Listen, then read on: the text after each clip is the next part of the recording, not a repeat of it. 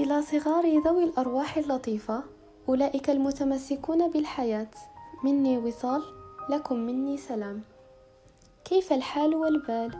أدعو أن تكونوا بأتم الصحة والعافية جسدا وروحا. أدعو أن تكون أفئدتكم تنبض برفق ورقة. أولا لأعرفكم عن نفسي. أدعى وصال وأحب اسمي للغاية. يقال أن لكل امرئ نصيب من اسمه. وأعتقد أنني أجسد الوصال في أبهى حلة. لست فاتنة الجمال لكني أعلم ما لجمالي من خصوصية فنية. متعددة المواهب والهوايات فقد طبقت المثل من كل فن طرب بالحرف الواحد. أحب الحياة ولست متفائلة دائما كما يبدو صوتي. عشقت اللغة العربية منذ نعومة أناملي. ونلت حبي هذا من أهلي فقد ولدت في منزل مليء بالحب والكتب. أنا ثمرة الحب الأولى لوالداي فأبي شاعر كاتب صحفي والعديد من المسميات الأخرى. أما عن أمي فكانت كاتبة خواطر عندما كانت بمثل سني.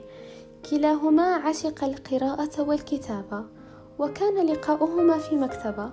وأعتقد أنه من البديهي أن أحب الكتابة والقراءة. أخشى أن يصيبكم الملل مني لكن صديقتكم الجديدة صرصارة مع من تحب. لذلك تحملوها أرجوكم. أدرس في الجامعة في تخصص لم أتخيل نفسي قط فيه لكن تجري الرياح بما لا تشتهي السفن. ولكن أيضا نحن الرياح ونحن البحر والسفن. وإن وصفت نفسي فأنا متعددة العواطف والعواصف. كبداية لتعرفوني أعتقد أنها كافية. والآن سأدخل في صلب الموضوع. أنشأت هذا البيت الذي يعتبر حلمي الأزلي. حلم طفلة لم يكد يتجاوز عمرها عشر سنوات. لذلك أنا أحس بالسعادة أشدها وأنا أعلم أن صوتي سيسمعه الآخرون بشكل ما. هذا البيت سميته إليزيوم. وفي الميثولوجيا الإغريقية هي جزيرة دائمة الخضرة فيها حدائق غناء نضرة كثيرة الورود مكان أقرب للنعيم. يرتاح فيها أصحاب الأرواح الخفيفة والأفئدة النقية مثلكم. فأتمنى أن يكون هذا البيت منطقة راحة لكم. متى ما اشتدت رياح الحياة؟ أن يكون مقر حفلة دائمة؟ أن يكون حضنا يحتويكم؟ متى ما احتجتم لذلك؟